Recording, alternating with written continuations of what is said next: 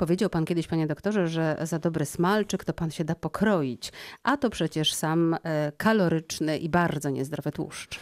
No ale ja mam tutaj taki odwieczny dylemat przychodząc do studia, czy właśnie mam zajmować stanowisko dietetyka, czy osoby, która też ma jakieś swoje właśnie... To ja pomogę. takie- Dietetyka, zdecydowanie dietetyka, tak. E, Za smalczyk dam się pokroić, ale faktycznie trzeba do tego podchodzić dość bezpiecznie, ponieważ tłuszcz jednak jest wysokokaloryczny. Pytanie też o jakim smalczyku mówimy, bo jeżeli to jest e, taki typowy tłuszcz, tłuszcz, czyli sam smalec wytopiony, ale on nie jest smaczny, to już wiemy, prawda? Nie no, ja myślę o takim ze skwareczkami. No właśnie, skwarki, cebulka, ewentualnie z dodatkiem jabłka, prawda?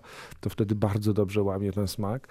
Mm, Ale niestety nadal jest to materiał bardzo wysoce kaloryczny. I tutaj trzeba pamiętać, że jednak duże ilości przede wszystkim nasyconych kwasów tłuszczowych, które dominują w tłuszczach pochodzenia zwierzęcego, niestety przyczyniają się do podnoszenia poziomu tego naszego cholesterolu i nie do końca No, dobrze nam to robi. Nie spotkaliśmy się tutaj po to, żeby powiedzieć, że smalczyk, za który pan się da pokroić i pewnie nie tylko pan, to jest samo zło, tylko poszukajmy w nim, może trochę przewrotnie, ale czegoś, co jednak jest dobre dla zdrowia. Pani Kasiu, na pewno znajdę. Jeżeli tam jest trochę skwarek, to jakieś niewielkie ilości białka zwierzęcego. No na mięśnie dobre.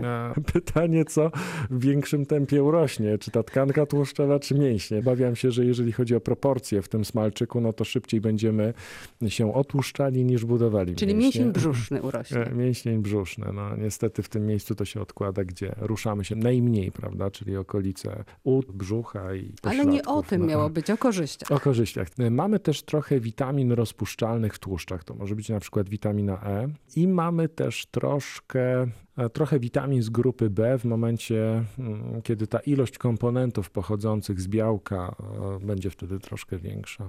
Czyli takie śladowe ilości No, no, witamin i odrobinę tak, ale śladowa ilość białka. Pani Kasiu, ale nie czarujmy się. To już jest takie wymyślanie na siłę. My ten smalczyk zjadamy z jednego powodu. Bo smakuje. No niekoniecznie, powiedziała kiedyś moja babcia, dlatego Tak? że tak, jeżeli komuś doskwiera jakiś wirus, czy też jest osłabiony, to wtedy raczej nie podaje się potraw, które są niskokaloryczne, tylko te, które mają dużą zawartość e, tłuszczu. Dietetyka mówi zupełnie coś odwrotnego. Żeby faktycznie podawać e, potrawy wartościowe, ale niekoniecznie wysokokaloryczne. Bo wtedy, kiedy organizm walczy na przykład z wirusem, to żeby go dodatkowo jeszcze nie obciążać, musimy oczywiście uzupełnić pełnowartościowe białko, musimy pić dużo wody, musimy dostarczać dużo witaminy C, witamin z grupy B, e, ponieważ one aktywują cały system odpornościowy, ale tak tłusto. No a chyba rosół nie- podawany w czasie choroby, ale to tłusty jest rosół. zupełnie, zupełnie inny tłuszcz też, bo proszę zwrócić uwagę, że jeżeli spożywamy tłuszcz w takiej formie zestalonej, organizm go zupełnie inaczej trawi, to zupełnie inaczej obciąża nasz organizm, niż jeżeli go podajemy w formie mm, Płynnej. płynnej takiej zawiesiny, on wtedy inaczej jest e, wchłaniany. Na czym ta różnica polega?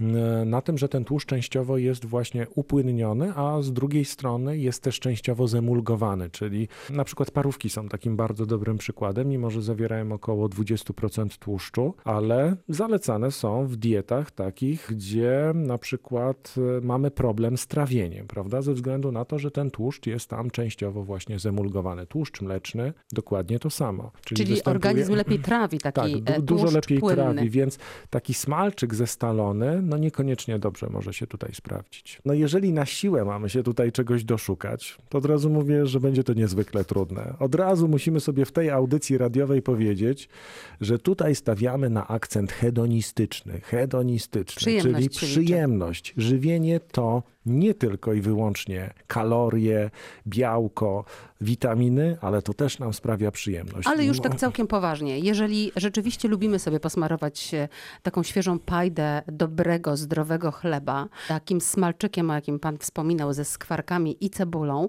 i zrównoważymy to na przykład jeszcze jakąś porcją e, dobrej sałaty z warzywami i zrobimy to raz na jakiś czas, to chyba wielkiej szkody dla organizmu nie ma. Absolutnie nie. I tutaj chciałbym. e, Zachęcić? e, Może nie zachęcić, ale rozwiać te mity, że dieta ma być taka od początku do końca ortodoksyjna. Musimy też włączyć do diety elementy, które sprawiają nam przyjemność. Oczywiście, jeżeli ktoś nadużywa mm, tego smalczyku i codziennie się nim raczy, no to na pewno pojawi się jakiś problem żywieniowy, który będzie również zwizualizowany w postaci otyłości. Ale jeżeli raz na jakiś czas sięgniemy sobie właśnie po tą pajdę chleba, ten smalczyk i ogórka kiszonego do tego, to naprawdę nic się nie stanie. No bardzo żałuję, że nie mam dzisiaj smalczyku, bo jak na pana patrzę, to widzę głód. Bardzo dziękuję panu Dziękuję za wizytę. również. Wszystkiego dobrego.